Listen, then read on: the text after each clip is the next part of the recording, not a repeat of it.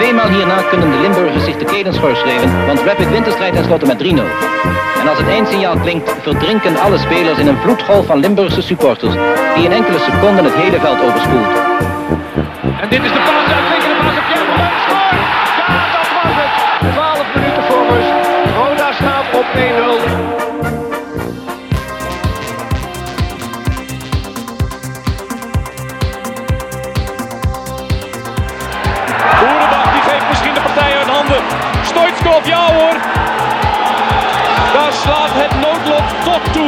Fout van uitblinker Michel. Ja, natuurlijk. Ik ga maar niet doen of een keerkruidje bij de Holland of ik wat. Eh, of Boeselender. Het is gewoon schitterend om te gaan prijzen winnen. Dat is gewoon chance. En Lijpers houdt zo verschrikkelijk hard uit. 1-0 staat Roda voor. Twee ploegen op gelijke hoogte na de wedstrijd van verleden week. En Flederis dus. Mark-Jan Flederis. Mark-Jan Flederis en 2-1 voor Rode JC. Daar is hij dan. En daar is Van Hiepte. En daar is de goal voor Rode JC. Daar is de goal.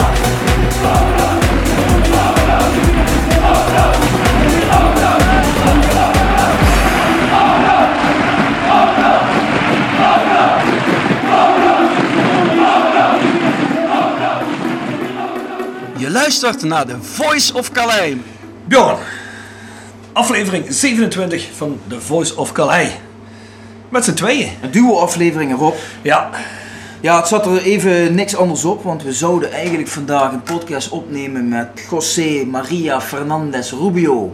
Onze digitale datascout. dat is een hele mond vol. Dat is een hele mond vol. Ik heb er ook lang op geoefend. Maar ik zeg het wel goed toch, vind je niet? Je zegt het fantastisch, Bjorn. Ja, Jij zou zomaar een kunnen zijn. Ja, dat, eh, wie weet wat de toekomst brengt. Ja. Maar in ieder geval, eh, ja, José die is eh, vandaag ziek geworden, dus heeft zich afgemeld. Dus dat moeten we over een paar weken inhalen. Ja. En Roland Hogeels zou eigenlijk ook vandaag komen. Maar die gaf aan, jongens, geef me nog even een paar weken. Want tegen die tijd hebben we misschien wat knopen doorgehakt als leiding. En eh, ja, dan heb ik ook wat meer te vertellen concreet. Nou goed, dat, dat, eh, daar kun je begrip voor hebben natuurlijk. Ja, eigenlijk komt dat ook van de ene kant wel goed uit. Want eh, daar waar Roland ons misschien een aantal zaken wilde vertellen... is er eh, toch vandaag en gisteren heel veel nieuws over eh, misschien dat soort zaken wel naar buiten gekomen. Ja, En hebben we nog een aantal thema's. Dan dachten wij, nou, dat denken wij wel een podcast mee te kunnen vullen. Dan eh, gaan wij dat maar met z'n tweeën behandelen, die onderwerpen. Dat denk ik ook. Hey, voor we beginnen met de sponsors en alles, even een korte mededeling. Op 7 februari is de Black Yellow Army Party. Dus 30 jaar vriendschap tussen Roda Kerkrade en Allemania Hagen. Een grote fanparty is dat, die wordt in de Music Dome. Daar kun je tickets voor krijgen, 10 euro. Ik denk dat als je erheen wil, dat je de mensen wel weet te vinden. Vragen anders mensen van Fanproject even of mensen bij de UK hebben ze kaartjes. Bij eh, South 16 hebben ze kaartjes. Verder zijn er wel eh, nog een hele reeks mensen te vinden die kaartjes daarvoor kopen. Dus als je er zin in hebt, ga erheen. Ik kom. Ja, ik ben helaas op tour. Ik vind het heel jammer. Ik had er heel graag heen gewild. Er zijn heel veel vrienden van beide kanten. Helaas, er zit niks anders op. Dat vindt plaats dus, zoals gezegd, op 7 februari. Dan hebben we ook twee tickets die we mogen weggeven voor Rode JC de Bos. Dat is op dezelfde dag. Dat is ook op 7 februari. Dat is onze eerstvolgende thuiswedstrijd. Dus als je daar tickets voor wil winnen, moet je heel even in de gaten houden de Roda sociale media en ook de South 16 sociale media. Daar wordt bekendgemaakt hoe je dat ticket kunt winnen. Dus hou dat even in de gaten. Of ticket, tickets. We geven dus één keer twee tickets weg. Dus je kunt er met je vader, je moeder, je zus, je broer, je vriend, je vriendin kun je erheen. Moet je zelf even kijken. Tickets zijn ook overigens te krijgen op rodejc.nl slash tickets. Dus voor de mensen die niet winnen, koop kaartjes. Rode den Bos, vast een interessante wedstrijd. Ja, Ehm, volgens mij is het zelfs zo, als je online een ticket bestelt, is iets goedkoper Is iets dan goedkoper. als je aan de kassa koopt. Ja, het is volgens mij 2,50 euro goedkoper dan het, eh, aan het stadion te kopen. Dus eigenlijk krijg je de voorverkoopprijs, om het zo maar te zeggen. Nou ja, goed, moet je niet nalaten. Ondersteun de club, koop tickets. Yes. Nou Bjorn, ik begin met Next Door Kapsel Nagel en Beauty Salon op de Locht. 44A8 in Kerkrade.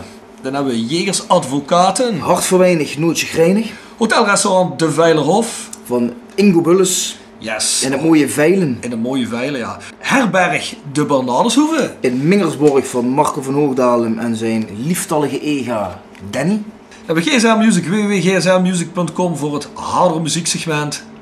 Raap je autodemontage aan de log 70 in Kerkrade. Voor het betere sloopwerk. Internetgroep Limburg slash iPhone reparatie Limburg. Waterpad 7 te Beek voor al je webdesign. Stokgrondverzet uit Simpelveld. Willeweber Keukens, Boebegraaf 1 Schinveld. Keukendesign voor elke beurs. En tot slot, maar niet tot laatst, Van Ooyen. Mooi, mooi, mooi gedaan Bjorn. Ja, Ja, ja, ja. wacht even, daar komt hij. Van Ooyen Glashandel. Sinds 1937 kwaliteitsglaszetten en reparatie met een dag- en nachtservice. Gepresenteerd en geproduceerd wordt deze podcast door www.south16.com. En mocht je interesse hebben in Roda fancultuur merchandise en onder andere valt in de shop ook een The Voice of Calais shirt te krijgen, dan ga je naar shop.south16.com. En voor al je grieven, voor al je wensen, voor al je dromen, voor al je vragen, stuur je een e-mail naar. The Voice of Calais at south16.com. Juist. Nou, Bjorn, dan zullen we maar eens beginnen aan die thema's die we hebben. Hè? Laten we maar beginnen, Rob. Er zijn toch een aantal dingen gebeurd. Er zijn ook een aantal dingen die al een tijdje gaande zijn, maar die eigenlijk eh, zich doorontwikkeld hebben tot een niveau dat eigenlijk niet zo denderend is. Zullen we eerst heel even beginnen met de zaken die nieuw zijn? Ja, vandaag komt naar buiten. Na een aantal keer gesproken te hebben met eh, de beste man, wordt Johan de Kok niet algemeen directeur. Ja, we hebben het voordat we begonnen met de opnames kunnen lezen op het nieuws, Twitter, van 1 Limburg geloof ik. eh, waar wordt aangegeven dat Johan de Kok weer afgelopen week gesprek heeft gehad. Ja. Ik geloof met Stijn Koster, Roland Hogeels en Dionne Wiertz. En dat het gevoel goed was, maar de ratio, dus het verstand, zei nee. Nou goed, Is dat een mooie manier om te zeggen dat het aanbod misschien financieel niet goed was? Ik denk dat, eh, maar goed, dat denk ik. Ik denk inderdaad dat eh, Roda wellicht wat minder te bieden heeft dan de gemeente Utrecht waar hij nu werkt. En eh, zeker als het de financiële mogelijkheden voor komend seizoen bij van spreken hem tegenvallen, heeft hij misschien gedacht van nou goed, dan ga ik de zekerheid die ik nu heb niet, niet voor opgeven. Ja, dat zou natuurlijk goed kunnen. Want volgens mij had hij er wel zin in. Want je kon wel de afgelopen weken lezen als er commentaar kwam van Johan de Kok. Dat hij wel zei van nou, ik zie het wel zitten in de voetballerij. Ik ben wel bereid zo'n stap te maken. Ik zie het wel zitten als een volgende stap in mijn leven. Nou ja, goed, het is wel een speler die connectie heeft met de club natuurlijk. Hij heeft heel vroeger zelf gespeeld. Dus hij weet wel wat het voor club is. Of in ieder geval wat het voor club zou moeten zijn. Brengt een beetje bagage mee. Hij heeft een tijd bij de KNVB gezeten natuurlijk ook. Goed, komt ook uit eh, de bestuurlijke functies. Dus brengt ook voetbalbagage mee. Dus zou eigenlijk een goede kandidaat zou, eh, zou zijn geweest. Hè? Ja, goed, je hoort mensen die zijn daar groot voorstander van. Je hoort ook mensen, ja, die hebben daar wat minder mee. Maar dat is denk ik bij iedere kandidaat waar je mee komt, die voor- en tegenstanders. Maar ja, we hebben al vaker gezegd dat Johan de Kok eh, wel degelijk een aantal streepjes in zijn voordeel had. Zeker al in de functie van algemeen directeur. Technisch directeur denk ik niet, want ja, omdat hij al jaren op een gemeente werkt, zal hij niet zo'n netwerk met makelaars, et cetera, hebben om, om, om spelers te scouten of te halen.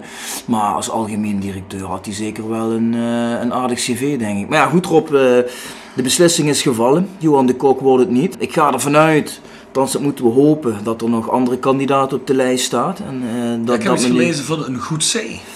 ja, Justin Goedzee, dat was inderdaad ook een optie. Is oud-directeur van NAC. Heeft ook daarvoor bij RKC Waalwijk gezeten. Daar heeft hij volgens mij best goed gedaan.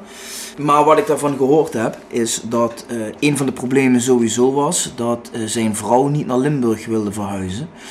Dus dat maakt het dan natuurlijk al wat moeilijker. En eh, hij zou wel oren gehad hebben naar de functie, maar dat was dan waarschijnlijk maar tot het einde van dit seizoen geweest. Nou goed, daar ben ik sowieso niet zo gecharmeerd van. Ik heb Nee. liever iemand die eh, meteen voor een wat langere periode wil blijven. Hoewel ook die man denk ik wel een goed cv had. Dus ja, die worden dus ook niet. En de kok wordt het ook niet. Dus ik ben benieuwd wie dan eh, de volgende op de lijst is voor de functie van AD. Ja, laten we eens eh, heel kort het scenario aannemen dat het, uiteraard weten we dit niet, maar laten we het scenario aannemen dat het inderdaad afgeketst is op geld. Vinden wij dan, eigenlijk moet je op dit moment, omdat de club vrij stuurloos is al een tijd lang, hè, we hebben, ik weet niet hoe lang al geen algemeen directeur meer en geen technisch directeur meer. Dat zijn eigenlijk de mensen die de boel moeten aansturen. Zou het niet goed zijn om toch een paar euro meer uit te trekken voor dit soort mensen? De club in een definitief in een rustig vaarwater te brengen, is dat de investering niet waard? Aangenomen dat het op geld afgeknapt is. Hè? Ja, of hebben we zoiets van, nou ja, Johan de Kok, je weet natuurlijk ook niet helemaal zeker wat je in de boot haalt. Het ziet er potentieel en op papier allemaal fantastisch uit. Maar omdat je dat risico loopt, wil je die extra centen niet uitgeven. Ja, goed. Ik denk niet dat je iemand kunt halen tegen elke prijs, omdat je nu maar per se iemand wil halen. Kijk, je hebt natuurlijk toch altijd te maken met een bepaald budget waar je binnen moet blijven.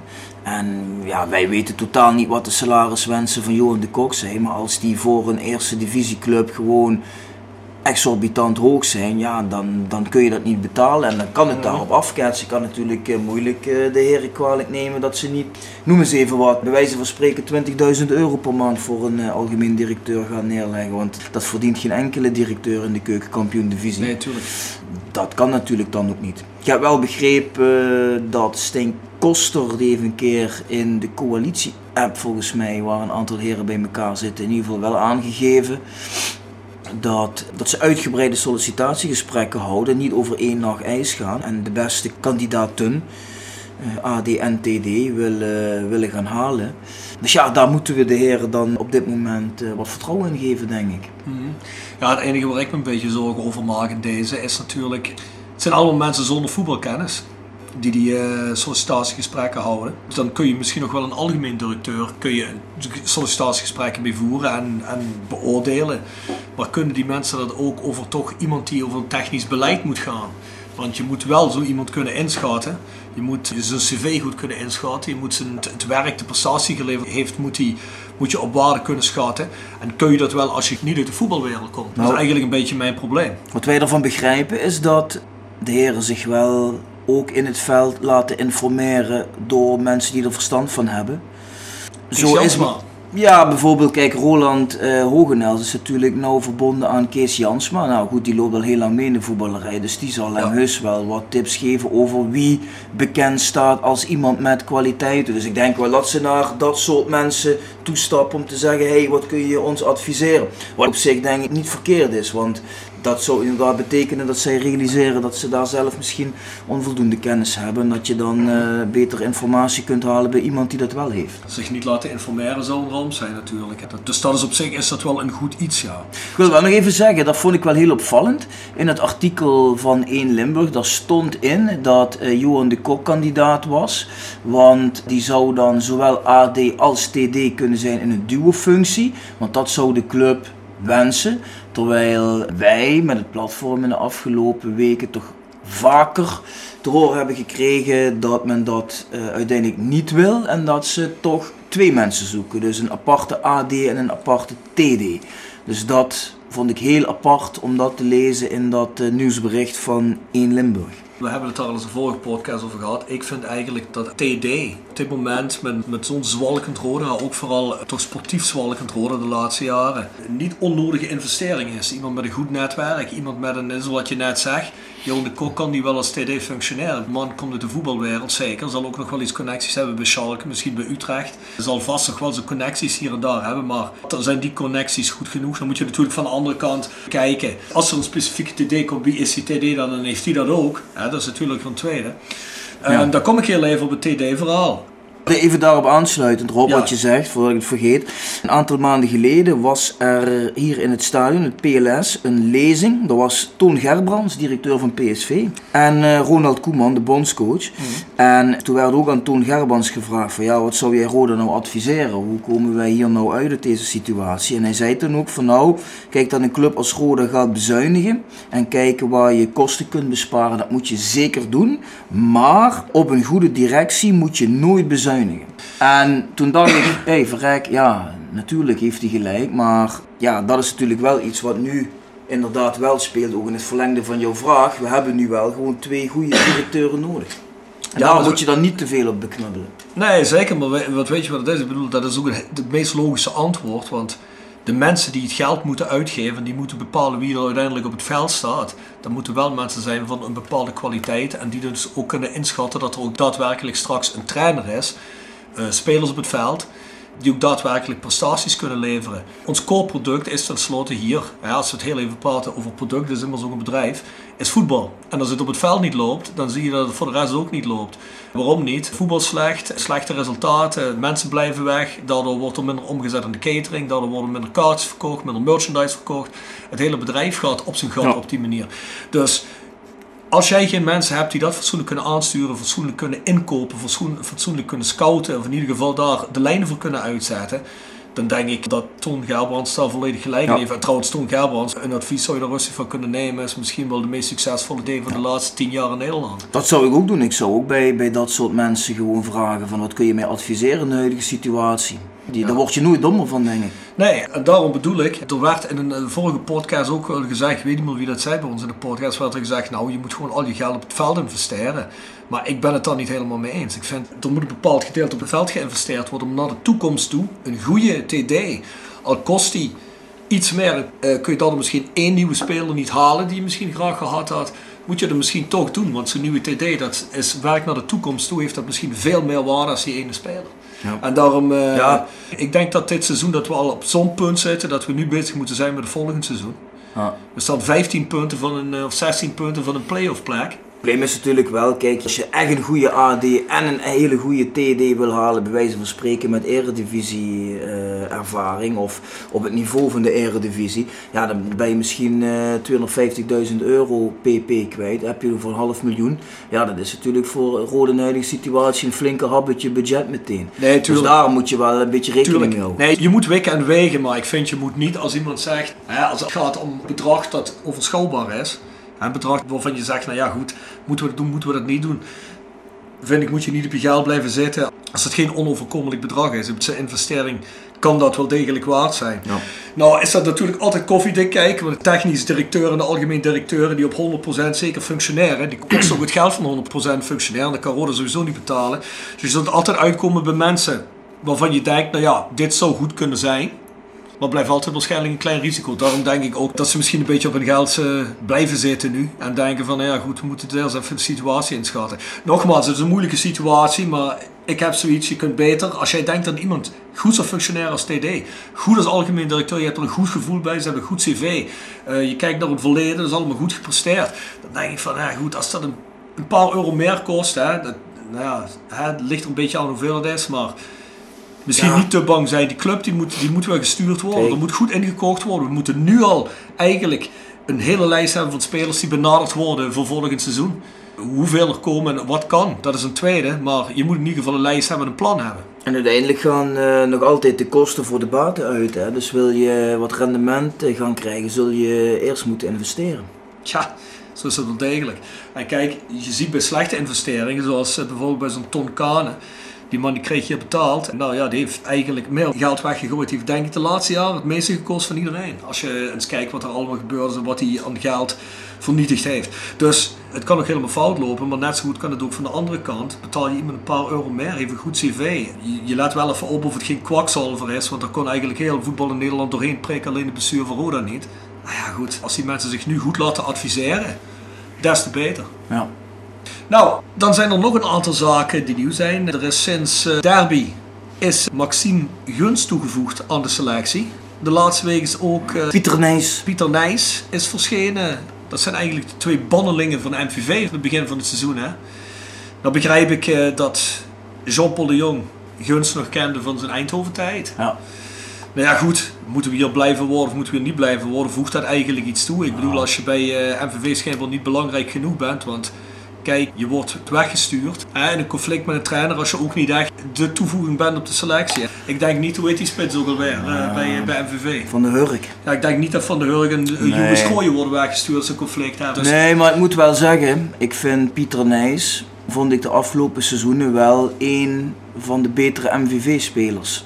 Ik vond het altijd wel een goede dynamische middenvelder. Dus, maar zijn het geen paniekzaken? nee, maar goed, kijk, je had een linksback nodig en die jongen komt vrij. En toevallig heeft hij met de trainer gewerkt bij Eindhoven en heeft hij daar waarschijnlijk ook het beste jaar van zijn eh, carrière gehad. Ja, en laten we wel wezen, Ik bedoel, eh, ik heb hem één keer zien spelen hier eh, de, de laatste thuiswedstrijd. Nou, hij had het ook moeilijk, maar eh, je zag wel dat die jongen meer op linksback in zijn mars had dan de drie gasten die we daarvoor daar hebben spelen voor, op Mitchell Keulen na. Dus het is wel een verbetering ten opzichte van een Durwal of van Eima of Bisek die daar moeten spelen, maar wiens positie het helemaal niet is. Ja, en ik denk dat gewoon Alonso al lang is afgeschreven door eh, de technische staf. Dus op zich kan ik dat wel begrijpen. En ja, zo'n Pieter Nijs is ook eh, op dit moment eh, gratis te krijgen. Maar die traint alleen nog maar mee, dus hij heeft nog niet eens een contract. En het is Nee, ook niet zeker of dat gaat gebeuren. Maar ik vond hem wel eh, bij MVV altijd een, een goede speler. Oké. Maar dat ben ik, hè. Ik ben, ik ben ook geen scout. Die gunst is eigenlijk ook weer een beetje de, de Eindhoven-connectie van Jean-Paul de Jong. Ja. En om heel even terug te komen op vorige thema, heb ik net eigenlijk vergeten. Technisch directeur komt er een naam tevoorschijn die eh, ook met Jean-Paul de Jong bij Eindhoven samen heeft gewerkt. Ja, Hans Mulders. Ja, het zal toch niet zo zijn dat je een hele Jean-Paul de Jong-connectie krijgt, dat hij van alles hier begint binnen te halen. Ja, dat, die suggestie zag ik net ook ergens voorbij komen op social media. Maar ja, goed, volgens mij is het Ronald Hoge-Els en Stijn Koster die met name bepalen wie de TD wordt. Daar zal Jean-Paul de Jong eh, niks over te vertellen hebben. Jean-Paul de Jong zou hooguit kunnen zeggen: hé hey jongens, jullie zoeken iemand, ik tip deze man. Eh, ik denk niet dat de bemoeienis van Jean-Paul de Jong veel verder gaat dan dat, want hij is niet degene die bepaalt wie wordt aangenomen. En die Hans Mulders die heeft bij Eindhoven heel goed gedaan. Toen draaide Eindhoven altijd eh, in de top mee van de keukenkampioen-divisie. Is hij naar NAC gegaan. Toen zijn ze gepromoveerd. Hij heeft daar 1, 2 seizoenen goed gedaan. En het derde seizoen geloof ik deed hij het hopeloos slecht. Afgelopen jaar, toen ze Rosheuvel en dergelijke gehaald hebben, toen zijn ze keihard eruit gevlogen. En toen eh, is hij ontslagen. Dus hij heeft Ja. een aantal jaren goed gedaan en ook een, ook nog een jaar eh, bijzonder slecht. Ja, Dus weet je wat het is? Als jij bij een club als NAC komt, je komt er binnen, dan zitten daar toch nog een reeks van spelers en een reeks selectie van eh, je voorganger. Dus je moet je afvragen hoe goed hij het gedaan heeft natuurlijk die eerste twee jaar. Of dat nog een, Ja. eh, een, een erfenis is van zijn voorganger. En op het moment dat hij een beetje moest gaan doen, dat je op dat moment eigenlijk degradeert. Ja, ja Dus het is, moeilijk, vraag- is, is ook moeilijk voor ons eh, in te schatten. hè, Want we hebben dat toen natuurlijk ook helemaal niet eh nauw gevolgd bij andere clubs. Maar in ieder geval bij Eindhoven heeft hij het heel goed gedaan. Maar ja, goed, dat is een aantal jaren geleden bij een kleine bescheiden club waar weinig druk is. Dus ja, ik, weet het niet hoe goed die man is. En de naam Jeffrey van As? Ja, roept natuurlijk ook bij veel mensen wat weerstand op, omdat hij bij MVV gezeten heeft. Gezien wordt als MVV'er. En ook recent bij ADO ontslagen, eh, waar ze het ook heel moeilijk hebben. Maar en daarvoor een aantal jaren ook weer wel goed gepresteerd bij ADO. Dus ja, het is koffiedik kijken, Rob. Kijk, je kunt zo iemand halen en die Ja. kan het heel goed doen. Of die valt door de mand. Ja, dat is, dat is moeilijk, denk ik. Ik denk niet dat wij ook in de positie zijn om iemand te halen waarvan iedereen denkt, ja, daar staan we volledig achter. Dat is een geweldenaar. Nee, maar dat is wat ik al eens in de vorige podcast heb gezegd. Ik denk als je iemand kunt halen die minstens zo goed is een rode netwerk, in een rode omgeving, om het zo maar te zeggen, een, een rode persoon. Wil ik niet zeggen dat die er zijn, met het, eh, die kaliber misschien TD kunnen invullen. Maar mocht die er dan zijn, nou, dan neem misschien voor minder geld een risico met zo iemand. Als je dan een risico gaat nemen. Maar goed, is wat je zegt. Dat als je een TD wil hebben, of een AD ook, waarvan je zeker wil zijn dat hij goed functioneert. Waarvan je 100% zeker weet dat hij zich al zo bewezen heeft. Nou, dat zijn mensen die, eh, die kan Roda niet betalen. Die gaan op dit moment ook niet naar Roda komen, denk ik. Hé, maar kijk, als je nou bijvoorbeeld die Hans Mulders neemt. Ga je nou bijvoorbeeld spreken met mensen bij Eindhoven die zeggen misschien, boah, dat was eh, de beste directeur die we hier gehad hebben. En dan ga je praten bij mensen bij NAC en die vinden het helemaal niks. Mm. Maar ja, wie is dan de echte Hans Mulders? Die van Eindhoven of die van NAC? Of waar ligt het aan dat die bij de ene club goed presteert, bij de andere niet? Dan moet je echt helemaal in gaan verdiepen hoe Tuurlijk, het gegaan is. maar het hè. is natuurlijk altijd zo. Roda, Roda wil graag terug naar de Eredivisie. Hè. Je wil graag weer een stabiele Eredivisieclub worden, eh, naarmate de tijd vordert. En als je een TD wil gaan hebben, die je, tenminste ik neem toch aan dat je niet een TD wil aannemen voor de komende twee jaar alleen. TD wil aan gaan nemen die dat moet gaan bewerkstelligen, moet die man ook een netwerk hebben voor Eredivisieniveau. En ik ken de hele Smulders niet, maar als het nou zo is dat hij alleen maar bij Eindhoven goed gepresteerd heeft en bij NAC niet. Kijk, NAC is een club met dezelfde ambities als Roda. Voor Eindhoven kun je wel eh, misschien twee keer top 5 of top 6 te eindigen.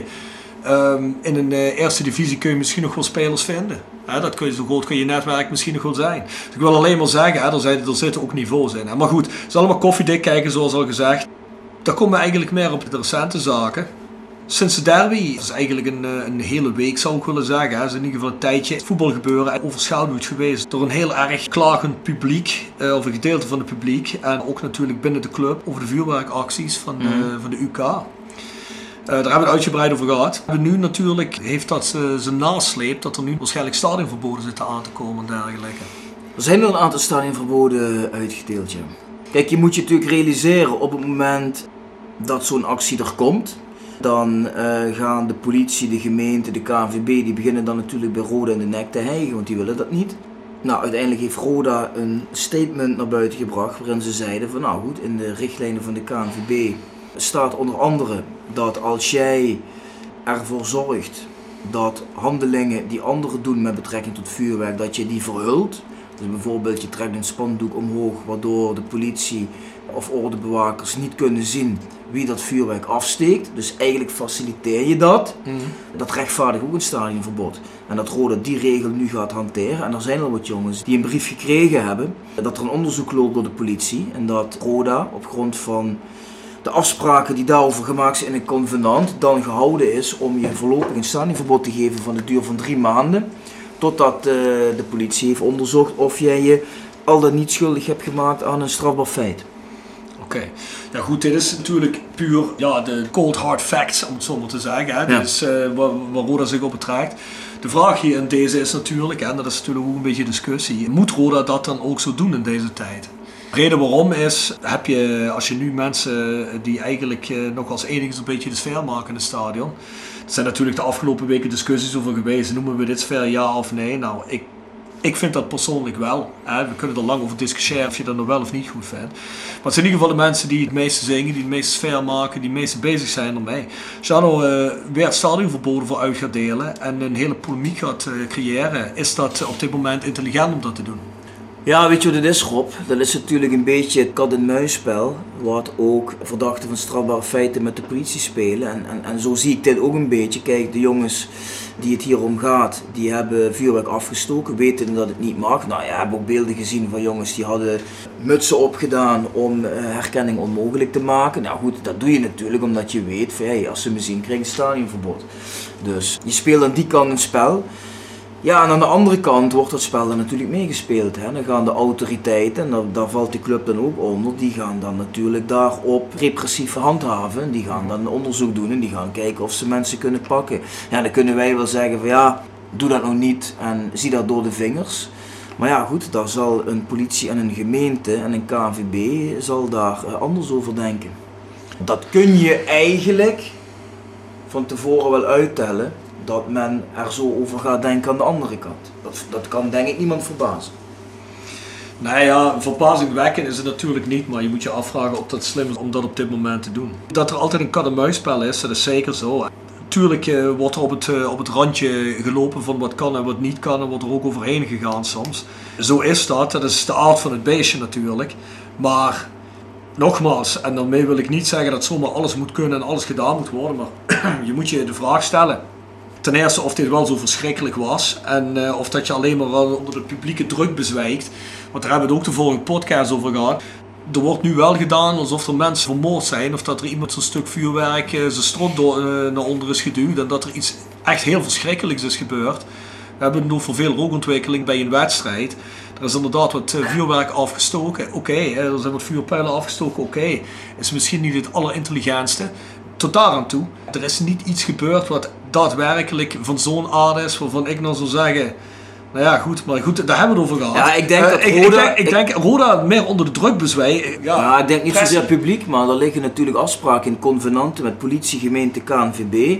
En daar staat onder andere in beschreven wat een club moet doen. En ik denk dat die instanties bij Rode nu ook hebben aangedrongen van eh, jullie moeten hier werk van maken.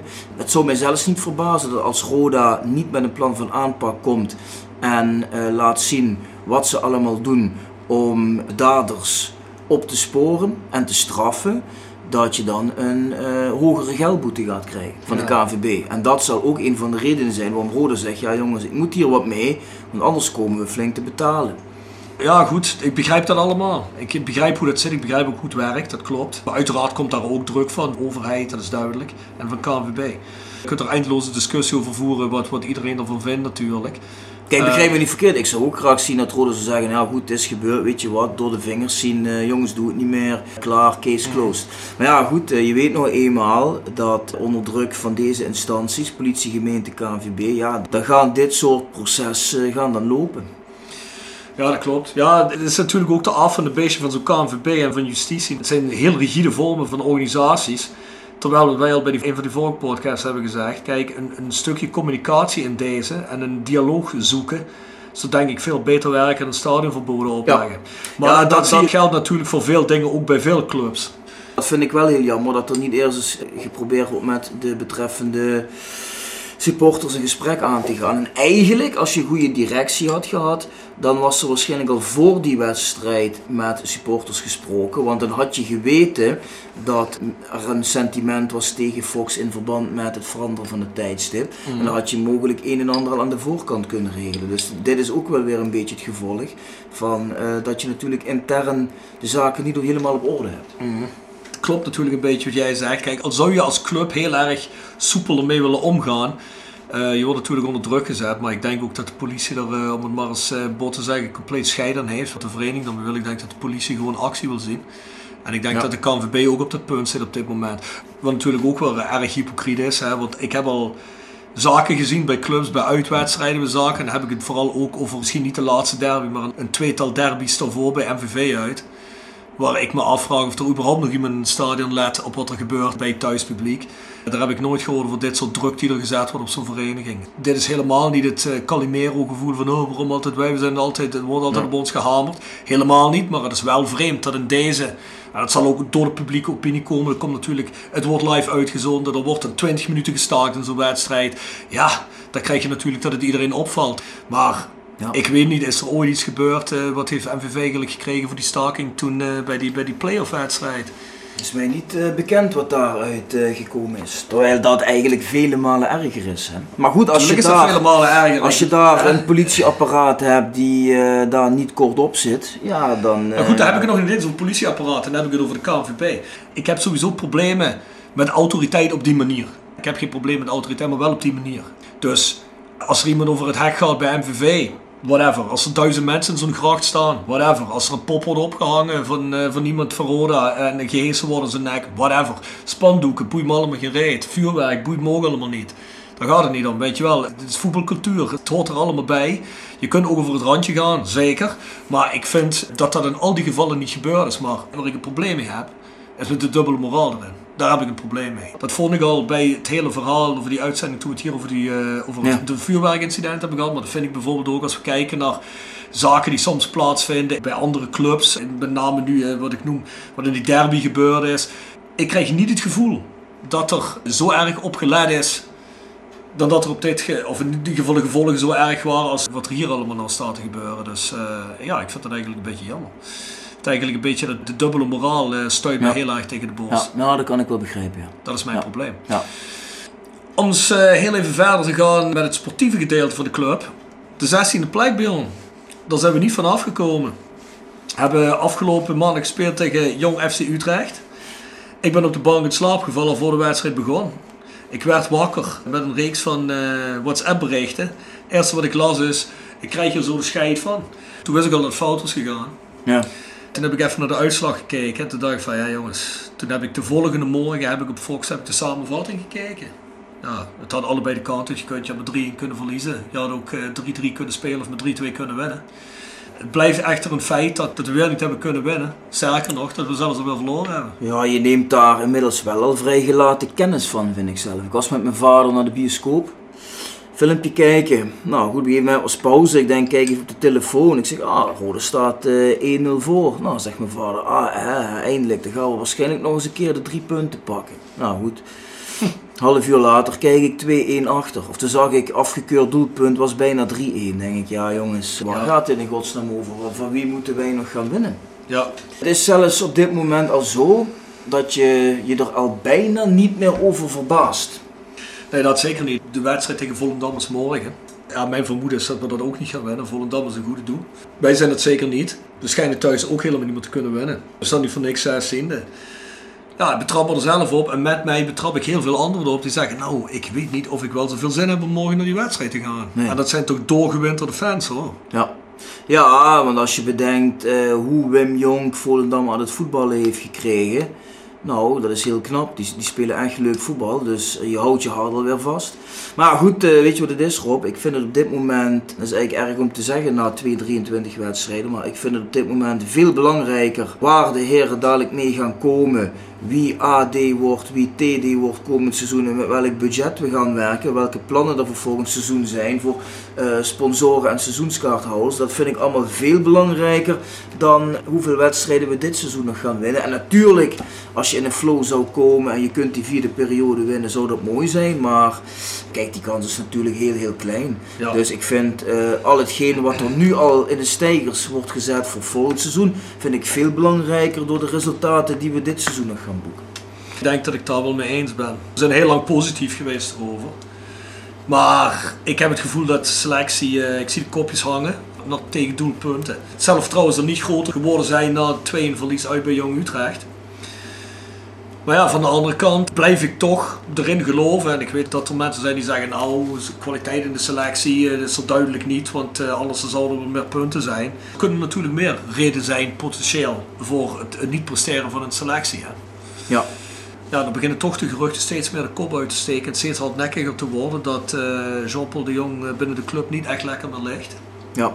Ja, nee, goed. eh, we hebben het al, een aantal keren gezegd. En er zijn dan ook mensen die zeggen van ja, goed, eh, moet er iedere keer op teruggekomen worden. Dat zijn waarschijnlijk alleen maar wat verhalen van reservespelers die ontevreden zijn. Maar ja, goed. Ik weet ook niet tot in detail hoe het zit. Maar je hoort het nu wel van meerdere kanten en van meerdere geledingen en meerdere personen. Maar mensen schijnen eh, intern moeite te hebben met de manier van optreden van eh, Jean-Paul de Jong. En ja, goed. Dat zou zomaar ook een van de oorzaken kunnen zijn van eh, het stroeve verloop van de competitie en de mindere resultaten. Ja, er zijn wel trainers van minder ontslagen bij Roda. Ja. Ja, ik heb dat inderdaad ook getweet na die wedstrijd tegen Jong Utrecht. Robert Molenaar is voor minder ontslagen. Kijk, ik bedoel, ik zit hier niet te pleiten voor het ontslag van eh, Jean-Paul de Jong. Dat, dat hoeft in deze situatie eh, voor mij niet. Maar ja, Robert Molenaar stond zevende. En eh, die moest vertrekken. Nu staan we zestiende. En ik denk dat het spel zeker niet beter is dan onder Robert Molenaar. Terwijl wij toch van mening blijven, denk ik, dat we zeker geen slechtere kwaliteit hebben dan vorig seizoen. Nee, ik vind zelfs, en daar blijf ik bij, dat we een betere selectie hebben als vorig seizoen. Ik denk nog altijd dat je net als Robert Molenaar vorig seizoen rustig rond een zevende plek zou kunnen spelen. Ik heb ook het gevoel dat misschien dat het een beetje ook in die selectie zit, dat gevoel. Ik kan me voorstellen dat je als selectie misschien nu ook wel ziet dat het niet kan op de manier hoe je nu bent aan het spelen. En dat je misschien denkt van, nou ja goed, eh, waarom probeert hij niet iets anders? Zet eens bepaalde spelers op een positie waar ze misschien beter tot hun recht komen. Of proberen ze een tactiek waarbij je niet altijd overlopen wordt op, het, eh, Ja. op bepaalde posities. Nou, dat is wel een van de meest gehoorde klachten, dat de trainer wel heel erg eigenwijs en koppig is. Nou, tot op zekere hoogte is het natuurlijk goed. Je moet niet iedere week wat gaan veranderen. Maar we spelen nu al een heel seizoen op een manier waarvan we weten dat levert geen succes op. Dus het zou eigenlijk logisch zijn als je eens een keer iets ging veranderen. Maar ik denk dat we morgen gewoon weer dezelfde spelers met dezelfde tactiek gaan zien. Je zou kunnen zeggen van nou goed, ik gooi eens een eh Novakovic erin, een Bisek. Je zou voorin ook eens partijen erbij kunnen zetten. Je zou eens een keer met twee spitsen kunnen gaan voetballen. Zo heb je van allerlei mogelijkheden. Maar ja, we gaan maar door op dezelfde voet. En volgens mij was dat ook bij FC Utrecht, de vorige klus van de trainer, ook wel een van eh, de klachten vanuit de spelersgroep. Wat uiteindelijk ook tot een eh, breuk heeft geleid. Dus ja, misschien herhaalt die geschiedenis zich hier wel weer een beetje. Dus jij eh, zegt misschien eens met een 4-4-2 proberen.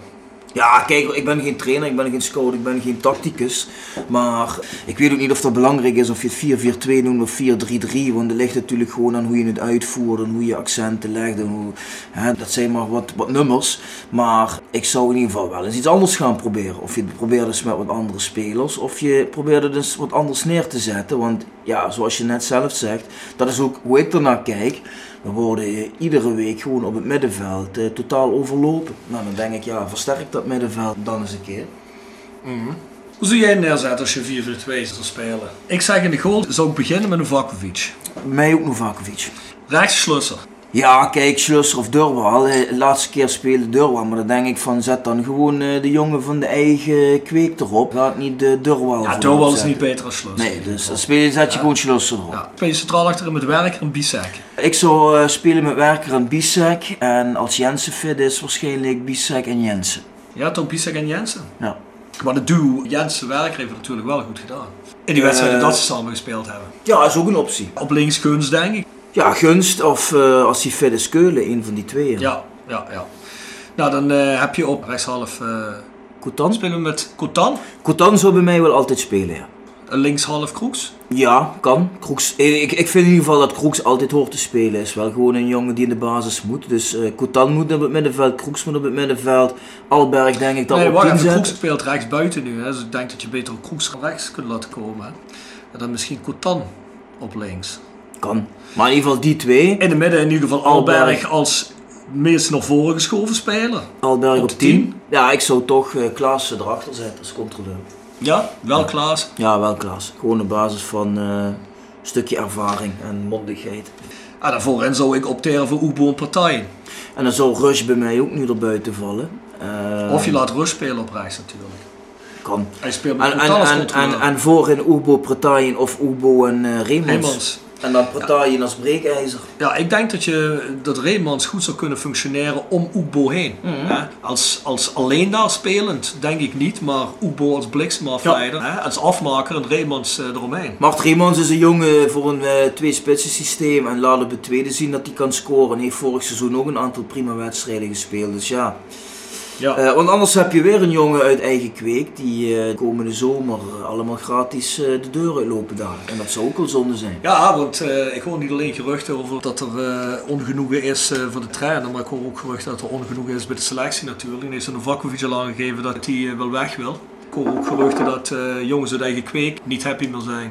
Ja goed, kijk, Nicky Zoer eh, speelt niet meer. Dus eh, ja, je kunt op drie vingers uittellen dat hij waarschijnlijk in de zomer gaat zeggen ik ga ergens anders naartoe. En dat zou voor Mart Reemans ook kunnen gelden. Ja. dan kun je van de ene kant zou je kunnen zeggen, ja goed, maar die jongens vinden wij van, die hebben het ook niet laten zien, dus wat maakt het uit. Van de andere kant denk ik dat je in de keukenkampioen divisie een paar van die jongens toch wel erbij moet houden. Ik vind als je met zo'n selectie speelt, waarbij bepaalde mensen niet echt aanduidbaar beter zijn Ja. en heel erg duidelijk beter zijn dan hun, moet je gewoon je eigen Ja. jeugd voorkeur geven. Vind ik ook. Maar dat dat misschien niet in dit systeem gaat, kan ik dat ook nog begrijpen. Maar spelen sowieso een systeem waarin het wel beter functioneert. Want ten eerste functioneert het schijnbaar niet. Ja. Dat is al eens één. En ten tweede kan je jeugd waarschijnlijk daarin ook beter functioneren. Maar goed. Ben ik met je eens, Rob? Nou, ja Bjorn, ik denk dat we dat een beetje gehad hebben. Dat waren een beetje de actuele onderwerpen die eh, gisteren, vandaag en, en, en deze week eh, naar boven zijn gekomen. Dus Ja.